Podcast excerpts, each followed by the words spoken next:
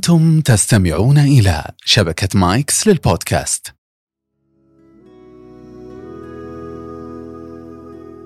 السلام عليكم ورحمة الله. أهلا وسهلا فيكم مستمعي ومشاهدي بودكاست مهارات. اليوم إن شاء الله تعالى سوف نتحدث عن مهارة المسؤولية. ضيفنا الدكتور صالح بن سعد الأنصاري مستشار الصحة العامة وخبير في تعزيز الصحة. حياك الله أبو حسان. يا هلا ماجد. وسعيدين بتجديد العهد فيك. الله يعطيك عنك العافية. الله يحييك. صديق الله عزيز وصديق للأبناء ما شاء الله عليك. الله يعطيك يحييك. ويسلمك. الله يحفظهم ويبارك فيهم. ما شاء الله عليهم مميزين في عالم الإعلام من زمان. التسويق الله يحفظك والتسويق واللغة وأكثر من حاجة ما شاء الله. وأبوهم في ترويج الصحة. يا سلام. ما شاء الله. إحنا مسوقين من الدرجة الأولى. يا رب يا رب. الله يوفقكم يا رب.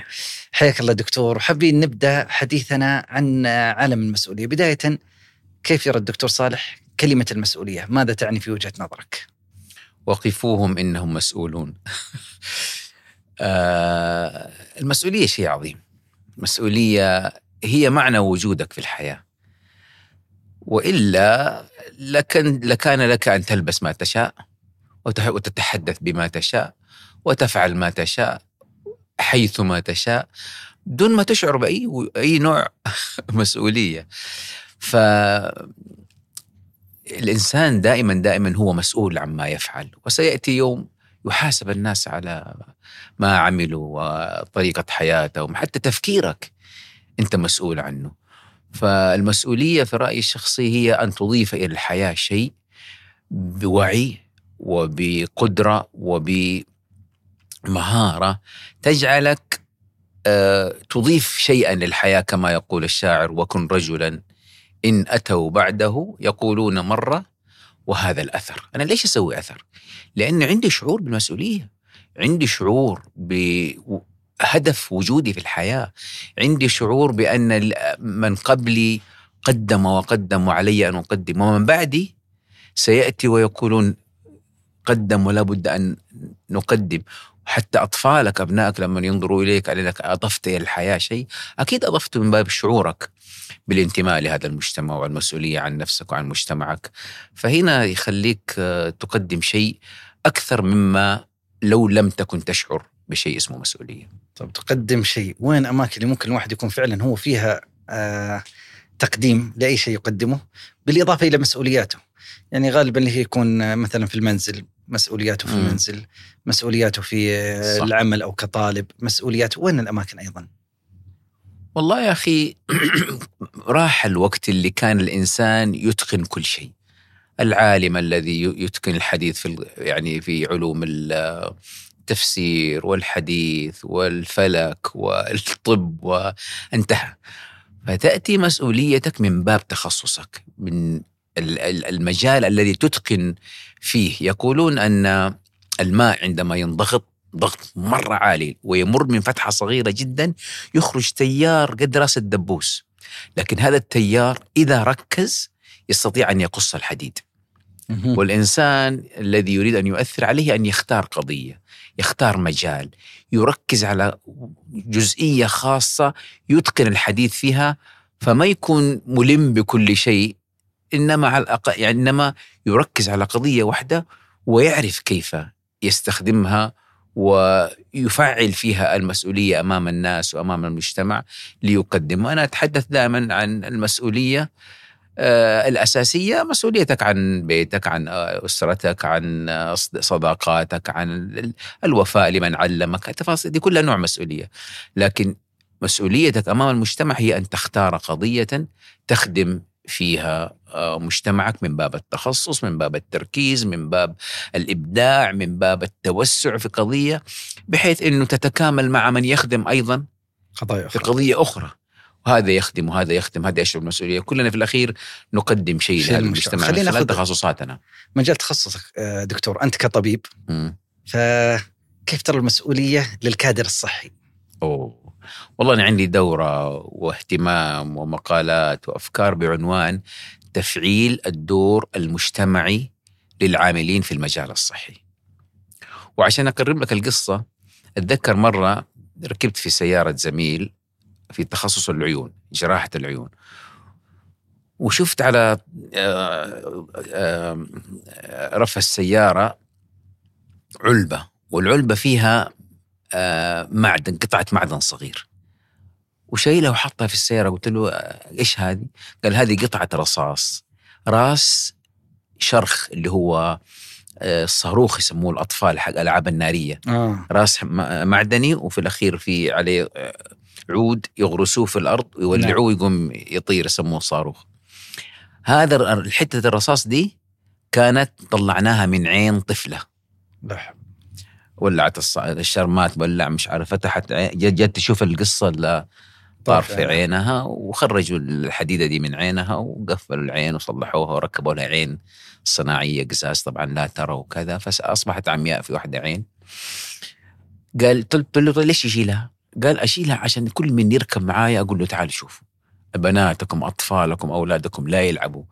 فتخيل لو كل طبيب من هذا التخصص مثلا قدر إنه يخدم.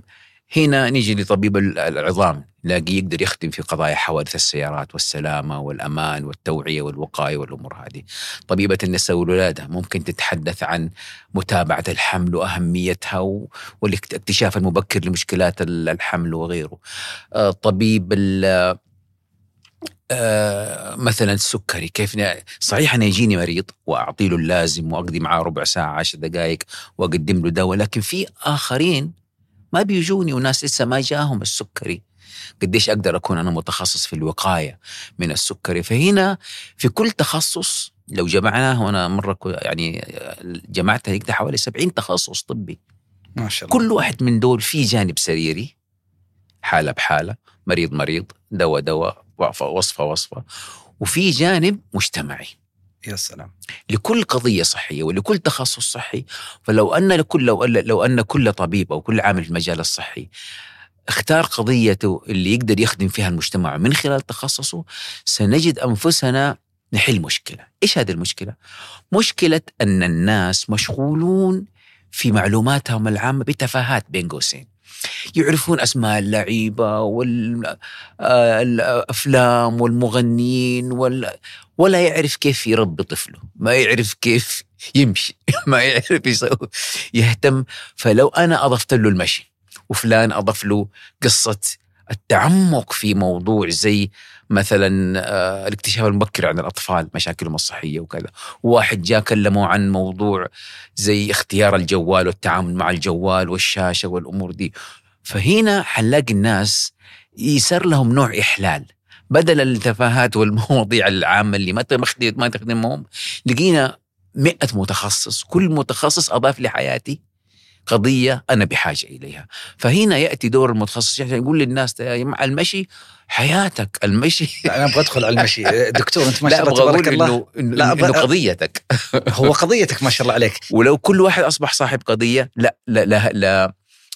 واجهنا المجتمع وضخينا كل واحد من جهته في هذا المجتمع قضية تف- تخدمه في الأخير؟ طيب خلينا ندخل على قضيتك ما شاء الله تبارك الله اللي هي المشي. ما ودي أكبرك بس أبغى أقول لك في طفولتي قرأت كتاب اسمه صحتك في المشي. صحتك في طفولتك يا هذا عام كم صدر يا دكتور؟ 2004 طيب فيعني فقريته زمان يعني وما شاء الله تبارك الله كتاب جميل. يعني الآن له ما يقارب 20 سنة. قضيتك في المشي لها أكثر من 20 سنة. 30 سنة. 30 سنة. واظن بشكل أسبوعي أو أكثر بس أقل. اليوم عملت 10 كيلو الصباح. آه ما شاء الله قبل 10 كيلو ما مشي قبل لا أجي. إحنا قاعدين نسجل بالمناسبة للمتابعين قاعدين نسجل في الصباح. إحنا إيه، فلذلك ما شاء الله قد مشى 10 كم؟ عفوا 10 لا، كيلو. 10 كيلو صباح اليوم. طيب. بس أنا على فكرة في الإجمالي لفيت قطر الكرة الأرضية مرتين. يقولوا إنه محيط الكرة الأرضية حوالي 42 ألف كيلو. أنا حسبت ضربت لقيت نفسي عامل ل 70 80 ألف كيلو. مشي في تاريخ حياتي. ما شاء الله ما شاء الله تبارك الله. طيب خلينا نبغى ندخل مسؤوليتك تجاه المجتمع. أيوه. كيف إنك تبنيت المشي في النشر الوعي؟ قضية. قاعد تسوون أظن مجموعات كل فترة أوه. يطلعون كل سبت يمشون وكل مرة تطلع باسم. الأسبوع الجاي يوم السبت الجاي رايحين عنيزه عشان نمشي في صحراء الغضا ما شاء الله. آه عنيزة. آه في عنيز وغيرها كل فترة مشاة في مكان الرياض كل يوم جمعة قبل, قبل كنت مع مشاة جدة قبل كم أسبوع في أمشي مع الشباب في جدة وكذا. السؤال أبغى آخذ السؤال. زاوية المسؤولية. أنت نعم. قضية. هي شغفك. اهتمامك. المشي. مرة شكرا. كلمنا عن هذه المسؤولية وانطلاقك فيها واهتمامك. شكرا. لأنه هذا السؤال باختصار أنا نظرت إلى تخصصي كمتخصص في طب الأسرة والمجتمع. ولابد أن أنظر إلى قضايا مجتمعي الصحية. لقيت إنه أهم مشكلة بتصرف حوالي 50% من ميزانية الصحة بتروح على الأمراض المزمنة. وكل هذه الميزانيات لم تغير كثيرا في منحنيات الإصابة بالأمراض المزمنة الضغط السكر الكوليسترول القلب الجلطات القلبية الدماغ وغيرها وغيرها وحللت الأمر ده من, من كل النواحي. لقيت أنه إحنا بحاجة إلى النشاط البدني. إيش من النشاط البدني؟ عندك 200 لعبة أولمبية تقريبا. فكرت غيرت بدلت لقيت أنه المشي يحل كل مشاكل النشاط البدني التي تحل إلى درجة كبيرة جدا مشكلة الأمراض المزمنة. وقلت لابد نركز على المشي. لأنه الرياضة السهلة الرخيصة لا تحتاج لا تدريب ولا أدوات ولا مدرب ولا فريق ولا تقنية ولا شيء. ويمكن أن تسوق للجميع لكل هذا كلام قبل 30 سنة؟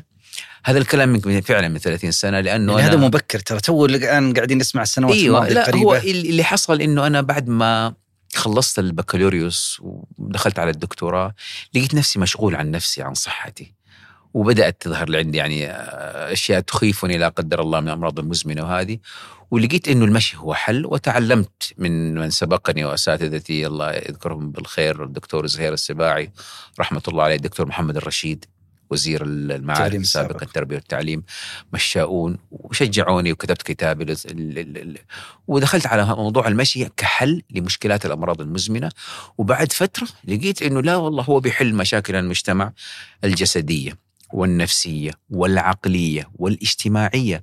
أنت لما يكون عندك قبيلة اسمها قبيلة المشي أصدقائك وناسك اللي تمشي معاهم كل يوم كل أسبوع مرتين في الأسبوع ناس تطلع معاهم هايك ولا مشي على في الصحراء ولا في الجبال. هذا المتقاعد اللي يعني ترك الصلاحيات والسلطة والعلاقات فجأة لقي نفسه جالس في البيت بين أربعة جدران زي ما يقولوا. إذا هديت له المشي فكنت فتكون قد هديت إليه شيء يحييه من جديد. وأنا دائما أنظر إلى قول الله سبحانه وتعالى ومن أحياها فكأنما أحيا الناس جميعا. ليس الإحياء فقط بالإنقاذ ولا العملية ولا الجراحة ولا الإسعافات الأولية لا. أنت ممكن تنقذ الإنسان بالوعي. أن تنقذ الإنسان بأن يعي وضعه الصحي والمجتمعي والنفسي ويبدأ يحل المشكلة. وحقيقة يعني هذا موضوع طويل. أنا الآن نتحدث عن ما لا يقل عن 250 مجموعة من مجموعات المشي على مستوى المملكة. وصلنا بالمشي العالمية. مستوى المشي في المملكة أخذ وضع مرة مختلف.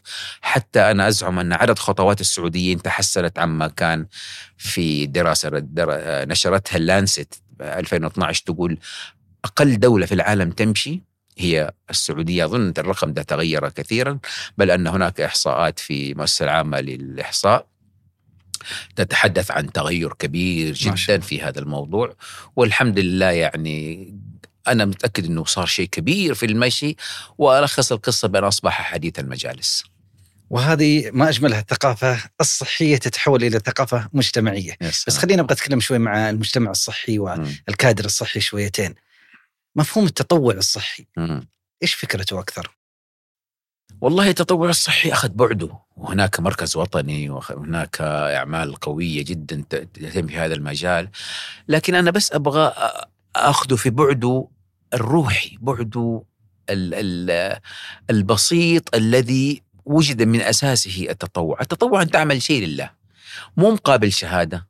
ولا ساعات أه. تطوع ولا غصبا عنك ولا عشان تترقى المحفزات صارت هدف أصبحت المحفزات ما أعرف يعني هي جزء من التحسين اللي بيحصل لكن أنا لمن يستنصحني أقول يا جماعة أنا مرة كنت مع مجموعة من مجموعات المشي قلت لهم يا جماعة إيش تحسوا إنه قضية واحدة أو صفة واحدة تنجح عمل الشخص الذي يعمل في نشر ثقافة المشي ولا مجموعات المشي والأمور هذه. قاعد يجيبوا أشياء كثيرة العلاقات القدرة على إيصال الفكر للناس التحدث الجيد. تكلموا تكلموا كلام كثير جدا. أنا قلت لهم في رأيي الشخصي وصفة واحدة لو وجدتها ستنجح الإنسان الذي ينشر ثقافة المشي أو المجموعة التي تهتم بالمشي. ألا وهي التجرد. التجرد إنك تخلي شيء لله. يجي يوم يوم من الأيام تجد في بركة في عملك في حياتك في أبنائك في آخرتك. أن الله سبحانه وتعالى ينقذ بك. أناس كانوا على وشك أو جوة الأمراض في منتهى جوة ال- ال- المعاناه مع الأمراض.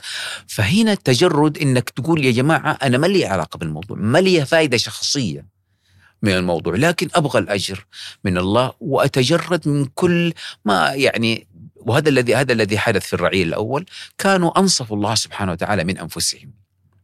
أنصفوا الحياة من أنفسهم أنصفوا الدين من أنفسهم. أخذ الدين منهم كل شيء وبعدين أجرهم على الله سبحانه وتعالى.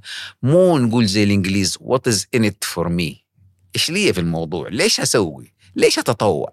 ليش أصحى الساعة ستة ونص ولا الساعة أربعة نروح وادي حنيفة 21 كيلو مع الشباب؟ مشي.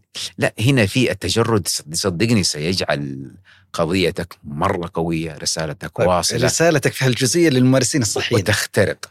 في عند عند الممارس الصحي هو أن يكون عندك التجرد هذا لكن تبغى تطور نفسك كمان.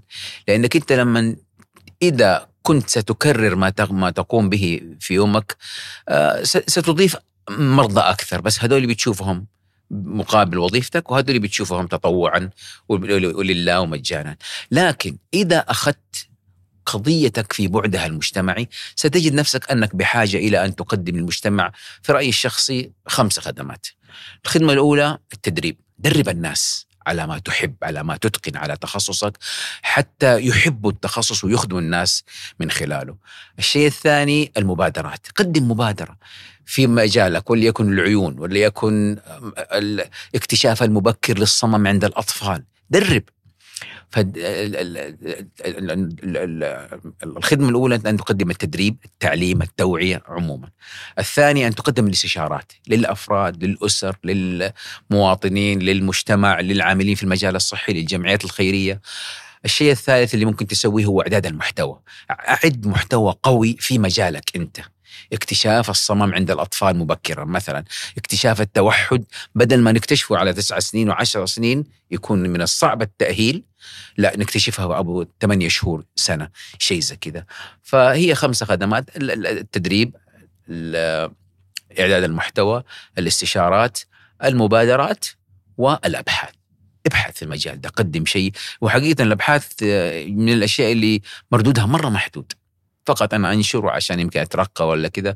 لكن إذا سويت من الأبحاث في مجالك ما يجعلك تغير من طريقتك في الخدمة يكون مرة وخليني أشرحها باختصار وأقول إنه مثلا لو سوينا احتياجات آه المشاة نسوي بحث لماذا لا يمشي السعوديين؟ لماذا لا يمشي؟ هل هو المكان ولا الحر ولا اللبس ولا آه ما في أدوات ولا الكلفة ولا ولا ولا بحيث أنك تقدم بحثا يدلك على طريقة تحسين ما تقدمه. أنت قدمت المرة دي خدمة سوي بحث عشان تعرف كيف تتحسن هذه الخدمة ولماذا لم تنجح في في في وصولك إلى هدفك. وهذا التحسين وهذا البحث العلمي الهدف منه التحسين. فمرة أخرى العاملين في المجال الصحي يحتاجون أن يقدموا التدريب الاستشارات المبادرات الأبحاث وإعداد المحتوى. ما شاء الله تبارك الله. طيب آه هذا فيما يتعلق في الممارسين الصحيين. مم. خلينا نعود إلى شخصية الشخصية المسؤولة. في وجهة نظرك كيف ترى الشخصية المسؤولة؟ سواء كان في مجال صحي أو مجال مهني أو في منزله أو في حياته أو حتى بعض الأحيان مسؤوليته تجاه نفسه. الشخصية هذه كيف تتخيلها؟ والله يا أخي شخصية الإنسان المسؤول شخصية مؤثرة قوية جاذبة آه مبدعة. ليش؟ لأن الإنسان إذا حس بمسؤوليته في قضية معينة ما حيخدمها بطريقة روتينية. حيبدأ يفكر ويبدع الشخص اللي عنده مسؤولية هو إنسان ديمقراطي. يعني إيش؟ يعني يقول للناس أنا هذا اجتهادي وهذه طريقتي. علموني لو كان في مشكلة نحسنها مع بعض. الشخص المسؤول يكون عنده قدرة على تقبل النقد. أنت صح مسؤول وسويت القصة دي وخدمت مجتمعك بمسؤوليه لكن صراحة أنت بتتسرب إلى محتواك أشياء ضارة مو صحيحة أوه صحيح خلينا نرجع ونتراجع ونفكر فيها فعنده قبول النقد بين قوسين حتى يحسن وإلا لو شعر الإنسان بالعصمة سيستمر يكرر ما يفعله ويكرر آه، النتائج، أيضا الإنسان المسؤول عنده نظرة ثاقبة. ليش؟ لأنه عندما يخدم مجتمعه في مسؤولية في مسؤوليه يشعر بالمسؤولية مجتمعه ويخدم في قضية معينة آه، يتعلم من الآخرين. الإنسان المسؤول عنده نظرة دولية. يشوف الآخرين إيش سووا. لسه جاي من مؤتمر في رواندا عن المشي. وبحضر الورقة القادمة إن شاء الله في البرتغال آه، المؤتمر رقم 24 آه، اطلعت على تجارب العالم في موضوع المشي ولقيت إنه لسه قدامنا مشوار. لكنه قبل ما أروح المؤتمر كنت أقول خلاص أنا سويت اللي علي. فأبغى أقول إنه الإنسان المسؤول هو الشخص الذي آه، يتطلع إلى قضيته اللي يخدم بها مجتمعه وناسه وأهله ببعد عالمي، ببعد حضاري، ببعد جديد، ما يقول لنا والله هذول اللي عندي كم واحد علمتهم وتعلموا والحمد لله خلصنا الواجب، لا دائما الفكر البشري والتجربة البشرية تتفتق عن أشياء جديدة أنت ما شفتها، واديك مثال بحث مرة جميل. سووا دراسة على الناس اللي تستخدم المترو. آه الناس والناس اللي تستخدم السيارات. لقيوا الناس اللي تستخدم المترو صحتهم أحسن. عشان يمشون خطوات إنه يمشي لين يوصل المحطه هذاك سيارته من لحد المكتب ولحد السوق ولحد المدرسة وهكذا. فأبغى أقول إنه نوع الانفتاح على التجارب البشرية في مجالك في التخصص اللي تحبه وفي المسؤولية اللي بتقدمها لمجتمعك أظن حيعطيك بعد مرة عالمي وكبير ويسبقك ويخليك كمان تمشي خطوة أسرع مما آه، يمشي الآخرين المنغلقين. كلام ممتع دكتور. خلينا ناخذ السؤال بطريقة عكسية. تخيل المجتمع الجميل قاعد تتكلم عنه بهذه المسؤولية. أتخيل مجتمع لا يوجد فيه مسؤولية. كيف تتخيل سوف يكون المجتمع نفسي أفراده نفسي. أشخاصه؟ كيف سوف ينعكس عليه؟ أيوه. إيه، نفسي و... أنا وما بعدي الطوفان. الطوفان كما يقولون. آه لا لا في المقابل آه هذا ياخذني إلى قصة إنه لو كنا في مجتمع زي كذا الجيل القادم أطفالنا الصغار أولاد المدارس الناس اللي تحت ال 18 دولي يشعروا إنه كل إنسان عايش حياته لحاله وبنفسه مستمتع مستغرق. آه، أنا كشاب ولا كطفل ليش أخذ لي مسؤولية؟ وليش أقدم لمجتمعي؟ وليش هذا كل الكبار بيشتغلوا بالطريقة دي والمجتمع كله لا يشعر بالمسؤولية، فأنا كطفل أو كإنسان ليش أحضر نفسي للمسؤولية؟ يعني حتى يمكن الذهاب المدرسة يصبح مشكوك فيه، يا أخي ما الناس عايشة وأنا ليش ليش أتعلم؟ ليش ليش أتطور؟ فمجتمع بدون الشعور بالمسؤولية مجتمع حقيقة يعني يقترب كثيرا من الفشل للأسف الشديد واللي يتأمل يعني حياة الرسول صلى الله عليه وسلم كان يعني من إبداعاته ومن إبهاره صلى الله عليه وسلم أنه كان يستكشف صحابته أقرأكم فلان. القران الأذان رأى ابن مكتوم لكن قال له علمها بلال فإنه أندى منك صوتا. أين خالد؟ خالد بن الوليد لسه في مكة. أين خالد؟ ما مثل خالد من يجهل الإسلام. يبغى خالد يجي الإسلام. فأعطى كل شخص آه، مجال المسؤولية اللي يقدر يخدم فيها. وتجد مئة ألف صحابي كل واحد منهم يتقن قضية ويتقن شيء يخدم به. جاء له أبو موسى الأشعري قال لك إنك ضعيف. إنها أبو, أبو, أبو, أبو مسعود. عبد الله مسعود. إنك رجل ضعيف. فكان يتقن إلقاء المسؤولية على كل من واحد من صحابته فيما يتقنه ويحسنه و... و... فهذا يعني اللي, اللي لازم نتعلم كمان يقربني شوية على موضوع الشغف. وأنا أقدم دورة بعنوان كيف تجد قضيتك؟ كيف تجد قضيتك في الحياة؟ لأنه الإنسان يعني يبدع عندما يحب ما يفعل ويفعل ما يحب, ما يحب. فهذه كمان قضية عشان تخلينا إحنا نقول للناس قدموا مسؤولية بس في شيء تستمتع فيه. يعني أنا أستمتع بنشر ثقافة المشي وتعزيز الصحة من الامراض المزمنة وأنا مستمتع. والله أحيانا التغريدة تأخذ مني 20 دقيقة. أحبر وأظبط وأصلح وأقص كيف يفهموها أحط نفسي في مكانهم يعني كأني موظف مطلوب منه إنه يغرد صح. أنا أنا ماني موظف أنا متقاعد من زمان. لكن أشعر بالمسؤولية إنه كل كلمة تطلع منك لازم تكون متقنة وأنت ما تستمتع بالتغ- بالتغريدة هذه أو بال- بالتحرير أو بالكتابة أو بإيصال الكلمة عشان في يوم من الأيام يجيك واحد يقول لك والله يا دكتور كلمتك هذه غيرتني. يا سلام. هذه الوحدة أقول تكفي حب ما تفعل تفعل ما, ما تحب ما شاء الله. علاقة كذا اللي قاعد تشوفها بين المسؤولية مم. والقيادة. كثير ما شاء الله تبارك الله اللي عنده مسؤولية شخصية ومسؤولية في من حوله والشغلات القريبة تجد يوم من الأيام أصبح آه، قائدا مم. سواء في عمله في أي مكان. كيف تشوف العلاقة بينهم؟ والله يا أخي شوف الإنسان المسؤول إذا طور نفسه بطريقة تعني كلمة المسؤوليه فعلا سيجد نفسه قائدا. سيجد نفسه قائدا وكما يقال يعني من لا يحسن القيادة من لا يحسن الجندية. فالجندي الجيد القوي الممتاز الذي يسمع الكلام ويتعلم ويحترم رئيسه المباشر ويعترف بخطأه ويطور نفسه هو نفسه اللي حيصير في يوم من الأيام قائد. وإلا لو بقي جندي ما يسمع الكلام يعايش بطريقته مو جندي أقصد عسكري إنما يعني مجند في الحياة لأي قضية من قضايا.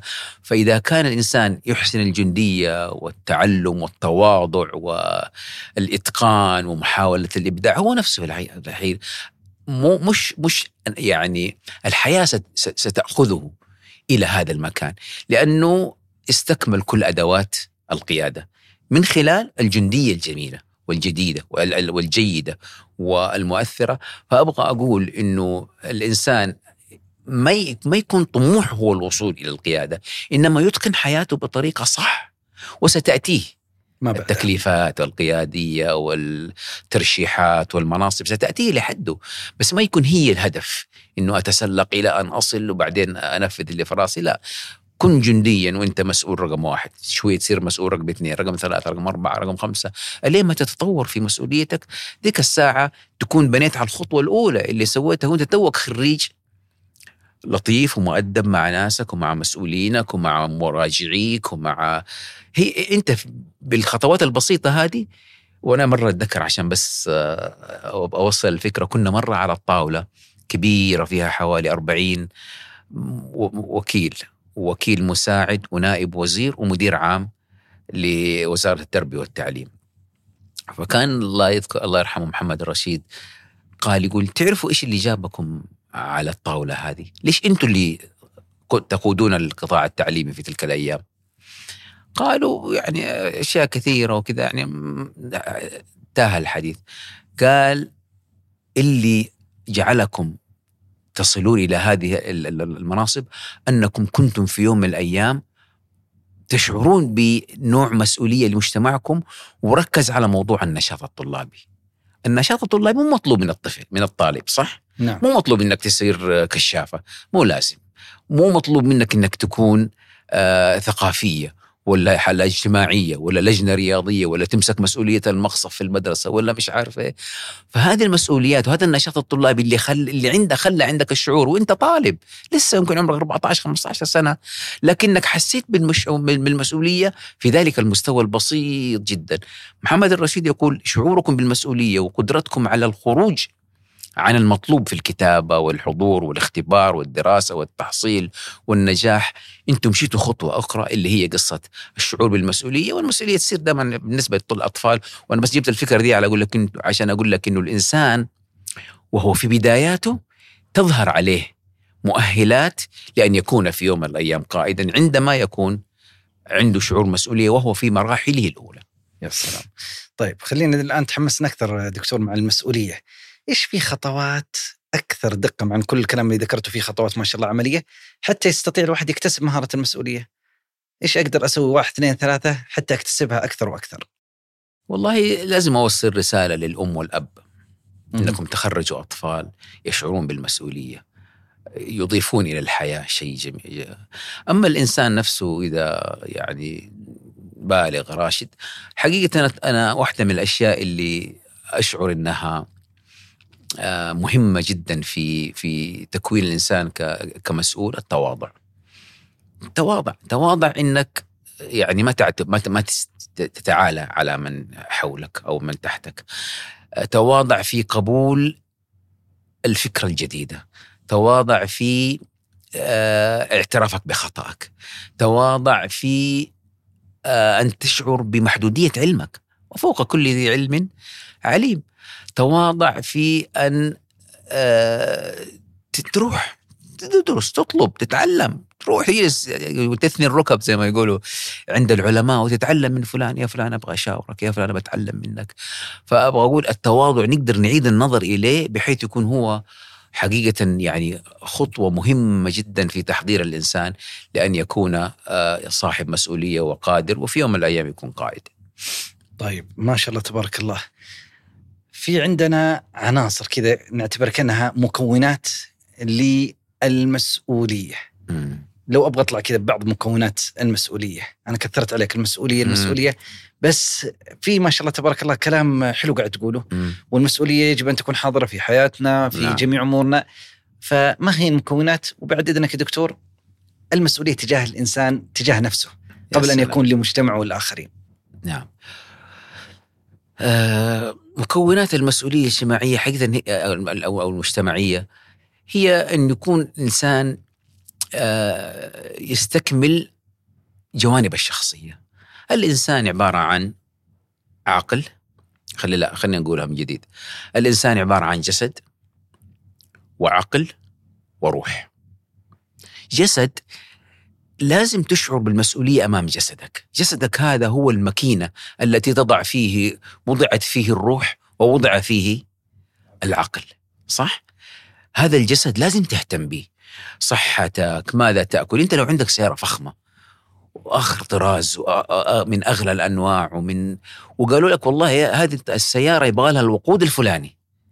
حتلتزم ولا تأكلها أي شيء وتحط فيها موية وغاز وبنزين وكيروسين وديزل وتقول فهذا جسدك حط فيه لك الوقود الصحيح ال- التي يعني يجمع الناس على أنه سليم. أكل طبيعي صحي سليم ما هو آه، مهدرج ولا مصنع ولا مليان سكر ومليان أملاح بس عشان طعمه حلو. فأبغى أقول احترام الجسد مرة مهم.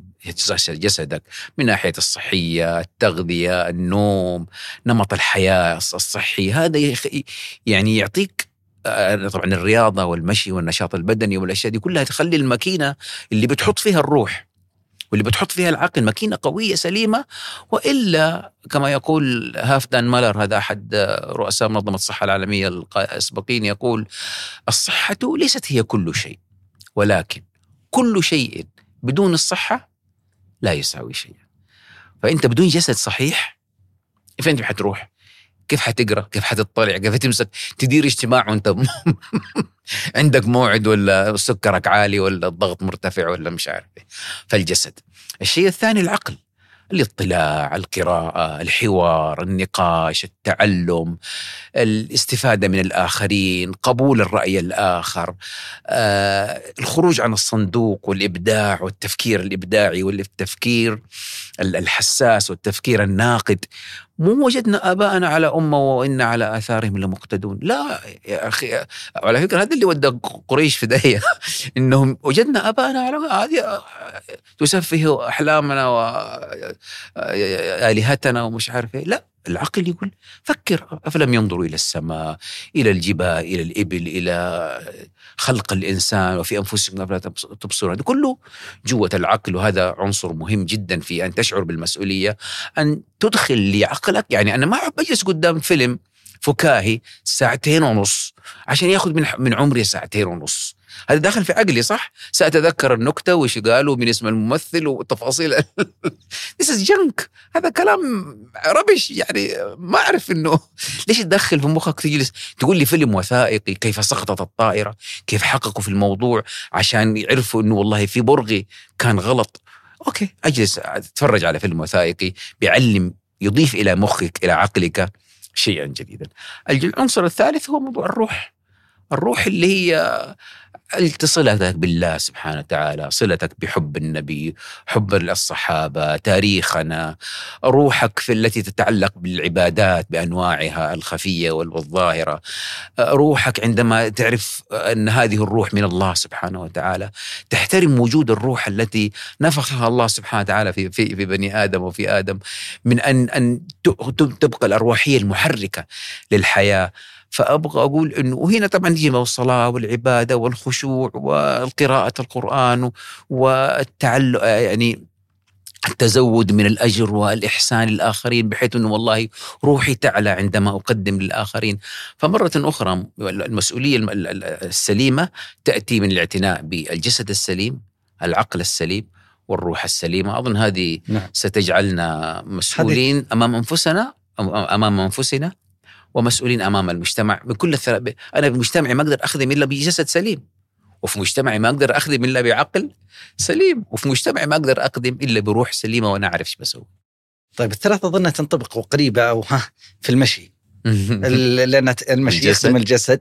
والعقل إذا كنت أيضا مع كوكبة مثال من تطلع معهم ما شاء الله. والتفكر والتأمل وكمية التأمل اللي يحصل وانت بتمشي. ترى هذا على فكرة في أبحاث كثيرة تتحدث عن أيوه. القدرات العقلية والإدراكية وتأخير الإصابة لا قدر الله بالخرف وألزهايمر إلى السبعينات إلى الثمانينات إلى التسعينات بالمشي.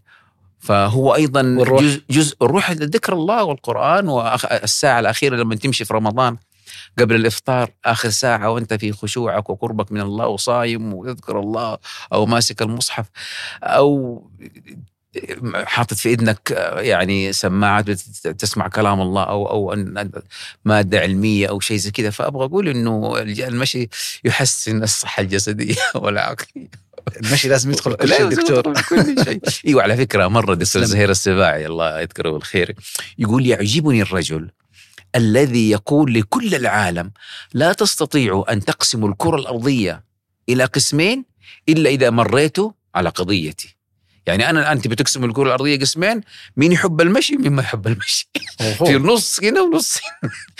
هو المبالغة في حب قضيتك يعني مو مبالغه ما, ما, ما, لازم نسميها مبالغه الامعان في حب قضيتك. وزي يجي واحد موضوع البيئة وثقب الأوزون. ما ممكن تقسم الكرة الأرضية قسمين إلا لما تمر على قضية ال- الانبعاثات الحرارية ومش عارف إيه.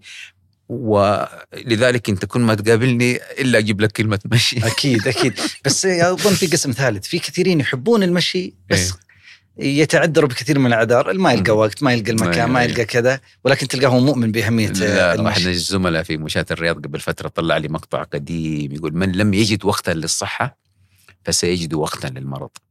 لا حول ولا قوة من لم يجد وقتا للصحة سيضطر لأن يجد يجلس ساعة ساعة ونص ساعتين في المستشفى عشان يصرفوا له الدواء ولا يغيروا له الجرعة ولا والمشكلة إنه سيصاب بمرض من أمراض النمط المعيشي.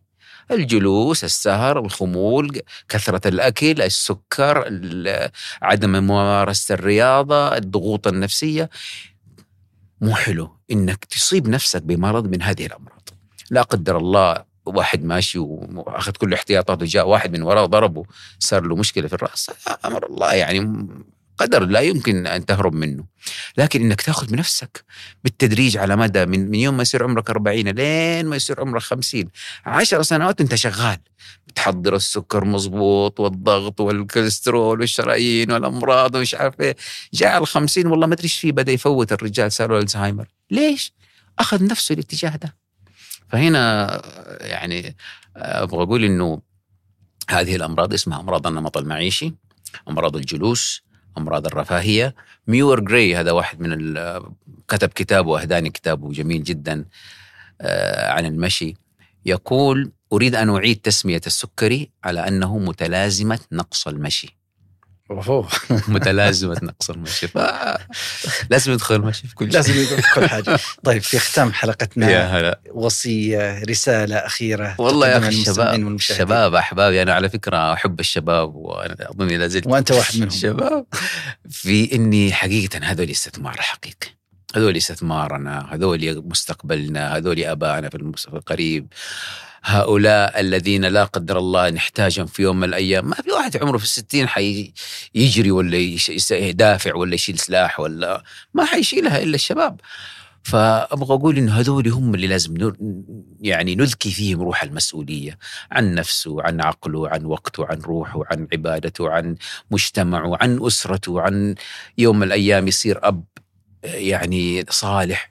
فأبغى أقول إنه هذه المفاهيم وأنا أشكرك والله على هذا البودكاست الذي يركز كثيرا على موضوع المسؤولية أن نتوجه به للشباب وبالذات اللي في مقتبل العمر والناس اللي فيه لسه تو خريج مو عارف فين يروح ولا إيش يتوظف أو واحد تخرج من تخصص ويبغى يخش فيه يعني دراسات عليا أو شيء زي كذا بحيث إنه يختار تخصص يقدر يعني فهؤلاء حقيقة لهم حديث طويل يبغى لهم يعني أن نذكي فيهم روح المسؤولية حتى يخرج المجتمع وكل يضيف إضافته بإذن الله تعالى يعني يأتي وقت نحن قد حققنا كل ما نريد من مجتمعنا العظيم. بإذن الله تعالى. يعطيك العافية وشكرا لك دكتور صالح الأنصاري مستشار الصحه العامه الله يعافيك. الله يحييك. أنا شاكر لكم وأهنيكم على هذا البودكاست الله يعطيك العافية. الناجح ما شاء الله تبارك الله وشكرا على الاستضافة. تسلم. شكرا لك وشكرا للجميع.